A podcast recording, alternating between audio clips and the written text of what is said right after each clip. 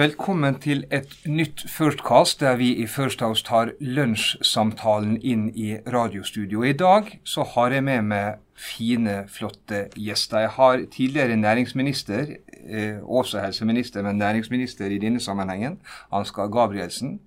Jeg har Mari Tjøme, som sitter i styret i mange børsnoterte selskap.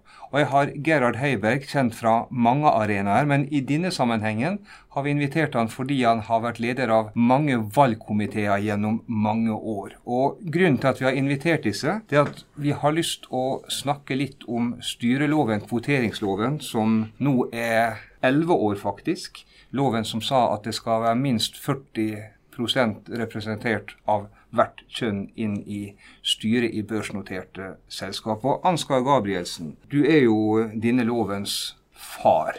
Hva var det som var drivkrafta di? Den primære drivkraften var at jeg trodde rett og slett at hvis vi skulle fortsette med kun 4% 6% kvinner i styrene, slik det var i 2002, og det hadde stått helt stille i ti år, til tross for at NHO mente at dette måtte gjøres noe med. Ja, det var verdiskapingsperspektivet mitt. Altså, I den enkelte bedrift ville man kunne oppnå mer ved å lete i hele befolkninga enn bare i den 50% som var menn. Og da var ideen min også som, som minister kan du si at ja, hvis det blir bedre resultat i hver bedrift, så blir det jo definitivt bedre for samfunnet som sådan. Det var den egentlige drivkraften. Det var, det var, det var ikke det Altså, jeg er jo ikke kjent for å være noe spesiell feminist, da. Men, men, men, men hva, hva, var det som gjorde at du var sikker på at hvis det kom flere kvinner inn i styret, så ble det bedre beslutninger i styrerommet? Ja, Det var det ganske enkle at det er da og det vi liksom litt uhøytidelig kaller for gutteklubben Grei. eh, man, man lette bare blant menn. For det er helt åpenbart at det er klart hvis du holder hånda foran øynene, så ser du ingenting. Og det gjorde man i veldig stor grad. Jeg hadde jo også den erfaringa eh, den vinteren eh, som næringsminister, som tross alt eier 35 av Oslo Børs, fra mye valgkomitéarbeid som jeg fikk rapport om. Og jeg, så jo det jeg så, jeg hørte det jeg hørte. Og jeg mente tida var inne i et land hvor vi hadde hatt 50% kvinner i høyere utdannelse i 30 år, og så sto det helt stille. Så ideen min var nei, jeg har ikke tid til å vente på at uh, den utviklinga skal fortsette, for da vil det ta 240 år, hadde jeg regnet meg frem til. Så uh, her skal vi gjøre det lovveien, og så gjorde jeg det jeg gjorde. Men Gerhard, du var en av dem som støtta denne loven? Ja, jeg var uh, absolutt støttende til dette. Jeg hadde erfaring fra introduksjon av bedriftsdemokratiloven, da vi fikk ansatte inn i styrene. og så hvilken store positiv betydning det hadde at det kom en ny gruppe personer inn. De som var der, skjerpet seg. Det ble en helt annen måte å diskutere på og forberede seg på. Så jeg så også på dette med introduksjon av kvinner. Her kommer en ny gruppe, en sterkere gruppe, inn, og det vil igjen virke positivt på hele styrearbeid. Så det var med på også for meg til å i hvert fall da tenke at dette har bare positive følger. Så dette støttet jeg fullt ut. Og jeg er heller ikke noen feminist av eh, legning, men eh, jeg syns det da har virket, så jeg har vært støttende fremdeles. Og eh, mener at dette har gjort veldig mye godt for norske bedrifter. Men Gjorde jobben din vanskeligere i de valgkomiteene som, som du har leda og jobba i? Det var litt forskjellig fra bedrift til bedrift. I de store, tunge bedriftene Kall det eh, sement, uh, stål, andre tyngre bedrifter var det vanskeligere enn i kall det nærmere handelsbedrifter. Men uh, stort sett så har det gått bra folk har forstått, og etter hvert har man jo da lært seg å leve med dette. Men innføringen var ikke bare enkel, det er jeg enig i. Mari, du, du sitter i styret i tre børsnoterte selskap, og du satt i mange styrer også før denne, denne loven kom. Bringer du noe annet inn i styrerommet enn eh, de mannlige kollegaene dine? Jeg tror kvinner generelt eh, og kvinners inntog i styrene har brakt inn eh, en del nytt i forhold til at de har blitt rekruttert mer målrettet i forhold til bakgrunn og erfaring.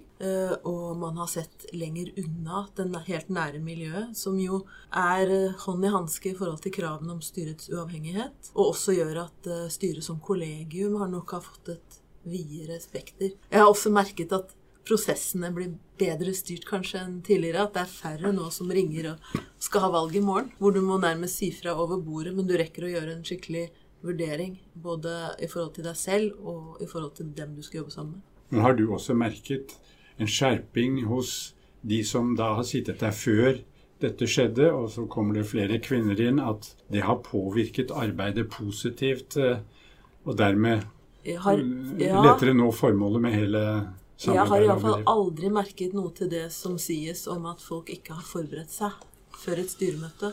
Nei. Jeg har oppdaget at alle som, eh, som, sitter rundt det styrebordet, tar oppgaven alvorlig og har reflektert over viktige spørsmål før møtet. Det, det, var faktisk også en del av tilbakemeldingene, husker jeg, når jeg var i Næringsdepartementet den første vinteren 2001-2002. I og med at staten er storaksjonær i så mange selskap, så fikk vi naturlig nok innspill fra valgkomiteer. Og det, det med stikkord du bruker, Gerhard, skjerping Altså, jeg fikk stadig skriftlig rapport om styrevalueringer der det pekte på enkeltpersoner som åpna konvolutten i styremøtet. Litt sånn kjekt og mandig. Ja. Um, det er klart at um, når jeg nå hører det du sier, at man har det er en skjerping. Eh, først når man fikk inn de ansatte, dernest når man fikk inn kvinnene, så betyr det jo at det er jo, det er jo noe i de mistankene, for å si det sånn, og de hypotesene som, som jeg hadde våren to, eller vinteren 2001-2002. Jeg levde jo med det, og så nettopp dette. Jeg var vel medlem av gutteklubben Grei, som var snakket om opprinnelig, og har sett den skjerpingen som kom. Og, og, den positive påvirkning det hadde for hele styrearbeid. Man forberedte seg grundigere enn det man hadde gjort tidligere. Dette var ikke noe kaffeslabras blant gode, gamle venner. Nå kom det nytenkende mennesker inn, og det betydde veldig, veldig mye. Så med kvinner inn, som også etter min oppfatning tenker litt annerledes enn menn, og påvirker styrearbeidet ut ifra sine forutsetninger, det har bare virket veldig positivt. Det er litt interessant at det har kommet, eh, det har kommet eh, erfaringer som sier at det er konflikt, lavere konfliktnivå i styret og større åpenhet for nye ideer. Og det med å være innovative, det er jo noe som styrene må bidra til. Så det åpner altså for en større åpenhet på nye områder. Jeg, har lest et sted, uh, Ansgar, at um, da du drev og, og, tenkte For du tenkte litt i, i løgndom om dette her nå før du, du, tok det. Så gikk du også inn og så på de selskapene som det hadde gått dårlig med ute i verden, som hadde vært gjennom store kriser, hva som kjennetegna dem. Hva var det? Ja, altså uh, Det var jo lite litteratur med norske erfaringer på dette området. men uh, Eh, med næringslivsbakgrunn og politisk interesse så hadde jeg jo uh, fulgt med, for å si det sånn. Uh, og jeg visste hvilke selskap det hadde gått riktig galt med. Og jeg gikk inn og så på en del, det var særlig amerikanske undersøkelser som var gjort i de, en del av de store selskap som de virkelig hadde internasjonalt gått down the drain. Uh, og der var det noen fellestrekk jeg så, uten at det er vitenskapelig. Men det var altså kvinnelige whistleblowere, og det var menn som styrte den verden totalt i Arthur Andersen, i Elf, i det ene selskapet etter det andre. Og, det jeg hører nå fra, dere to, fra eh, både valgkomité og styrearbeid, så må jeg jo si jeg, syns jo det er litt moro å si det her, da. Eh, og du kan si, En annen ting jeg ville gjerne ha sagt både til, til Gerhard Heiberg og, og to-tre-fire av de andre som jeg så på som, eh, som uh, næringslivets gentlemen den gangen, det var den støtten jeg fikk av de som hadde mest erfaring. Det som var det underlige, de jeg fikk mest motstand ifra, det var eh, særlig en del unge kvinnelige på vei opp. Hva det kom nå, nå så alle, det, det, det, er jo ikke TV, men nå så alle plutselig på det, Mari. Jeg vet ikke hvorfor vi gjorde det. Jeg tror at uh, folk med stor tro på seg selv, og det er mange dyktige kvinner med stor tro på seg selv, har ikke lyst til å bli sett på som en som har blitt gitt gratis muligheter, men har lyst til å fortjene mulighetene. Uh, så jeg syns det er veldig naturlig at uh, mange kvinner ønsker å motsette seg å bli gitt privilegier. Eh, så det tror jeg er den enkle grunn. Det er nok sånn, tror jeg, at kvinner i styret påvirker langt mer enn det som skjer i selve styrerommet. Jeg tror det påvirker samfunnet, og det skaper rollemodeller. Og det er jo en interessant ting som jeg mener er en effekt av dette. Og som enten man vil eller ei, så påvirker det oss alle i forhold til hvordan ser den neste lederen ut? Er det en kvinne eller en mann? Hvis det er mange kvinnelige ledere, så er det lettere å forestille seg en kvinnelig Men du, du, har, du, har, jo også vært med å rekruttere toppsjefer i, i kraft av styrer du har sittet i. Mange, mange, har du vært med å rekruttere? Ja, jeg har gjort en opptelling der. Jeg har vært med å rekruttere seks eh, toppledere. Og tre av de er faktisk kvinner. Og styrets oppgave er naturlig nok å finne den aller beste lederen de kan se for seg. Uh, og der har det altså vært 50% kvinneandel i de valgene jeg har vært med på. Nå, kom det en, en undersøkelse Uh, eller uh, mer en opptelling av uh, toppledere. Det var i norske medier. fem av de 50 største redaksjonene hadde kvinnelige ledere. Hvis du går på direktørsida, ser det likedan ut. ellers i næringslivet. Så er det sånn at det fortsatt er flere, mange flere mannlige toppledere enn kvinnelige. Burde man kvotert i toppledelsene også? Altså, Den gangen vi hadde den debatten, så, så tenkte jeg for å si det sånn, nøye gjennom det forslaget som til slutt skulle komme på, det skulle kunne implementeres uten problem. for å si Det sånn. Og det betydde at jeg, jeg sa ikke at dette skal gjelde alle landets 150 000 aksjeselskap. Det må fremdeles være lov å drive liten familiebedrift og være baker på hjørnet uten at, skal, at myndighetene skal blande seg opp i det. Det som var det viktige for meg, det var at de, altså fordi at de store bedriftene som er samfunnsbærende, og som også faktisk har 35 eh, eh, er eid av norske skattebetalere.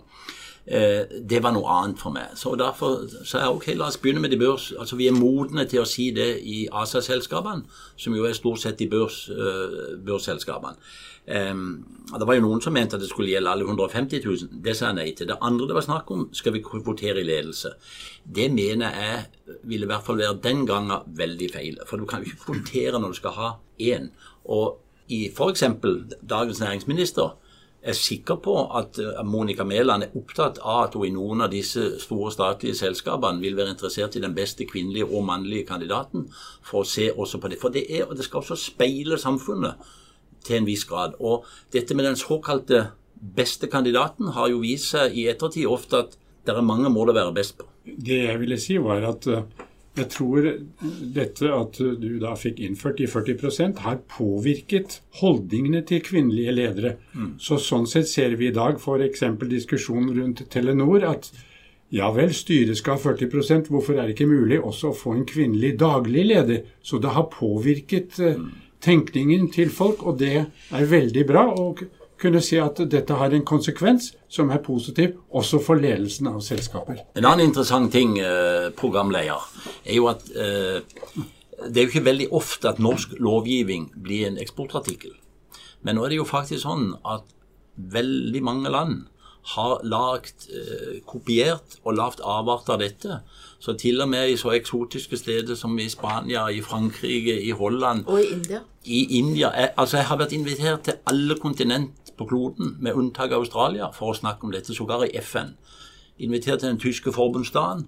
Har vært invitert til alle partigruppene i Europaparlamentet fordi man innser fornuften i det. Ikke fordi at det er en, altså sånn en feministisk organisasjon Uh, og det syns jeg lover veldig godt uh, for framtida, for næringslivet. Og at det totalt sett er positivt for imagen internasjonalt for norsk næringsliv. Om det hersker der ingen tvil. Ingen blir vel overraska over at Ansgar Gabrielsen fikk siste ord. Jeg konstaterer at rundt bordet var vi 75-25 i kjønnsfordeling. Takk til Gerhard Heiberg, takk til Mari Kjøme, takk til Ansgar Gabrielsen. Vi i First Cast skal love å forbedre oss på kjønnsbalansen til neste gang. Ja, da må jeg ha en replikk. Fordi at på gjestene på, gjestene var det en tredjedel, og det kan ikke bli mer enn en tredjedel når vi er tre. Ja, men jeg må jo telle inn med sjøl. Jeg må telle rundt, jeg må telle rundt bordet.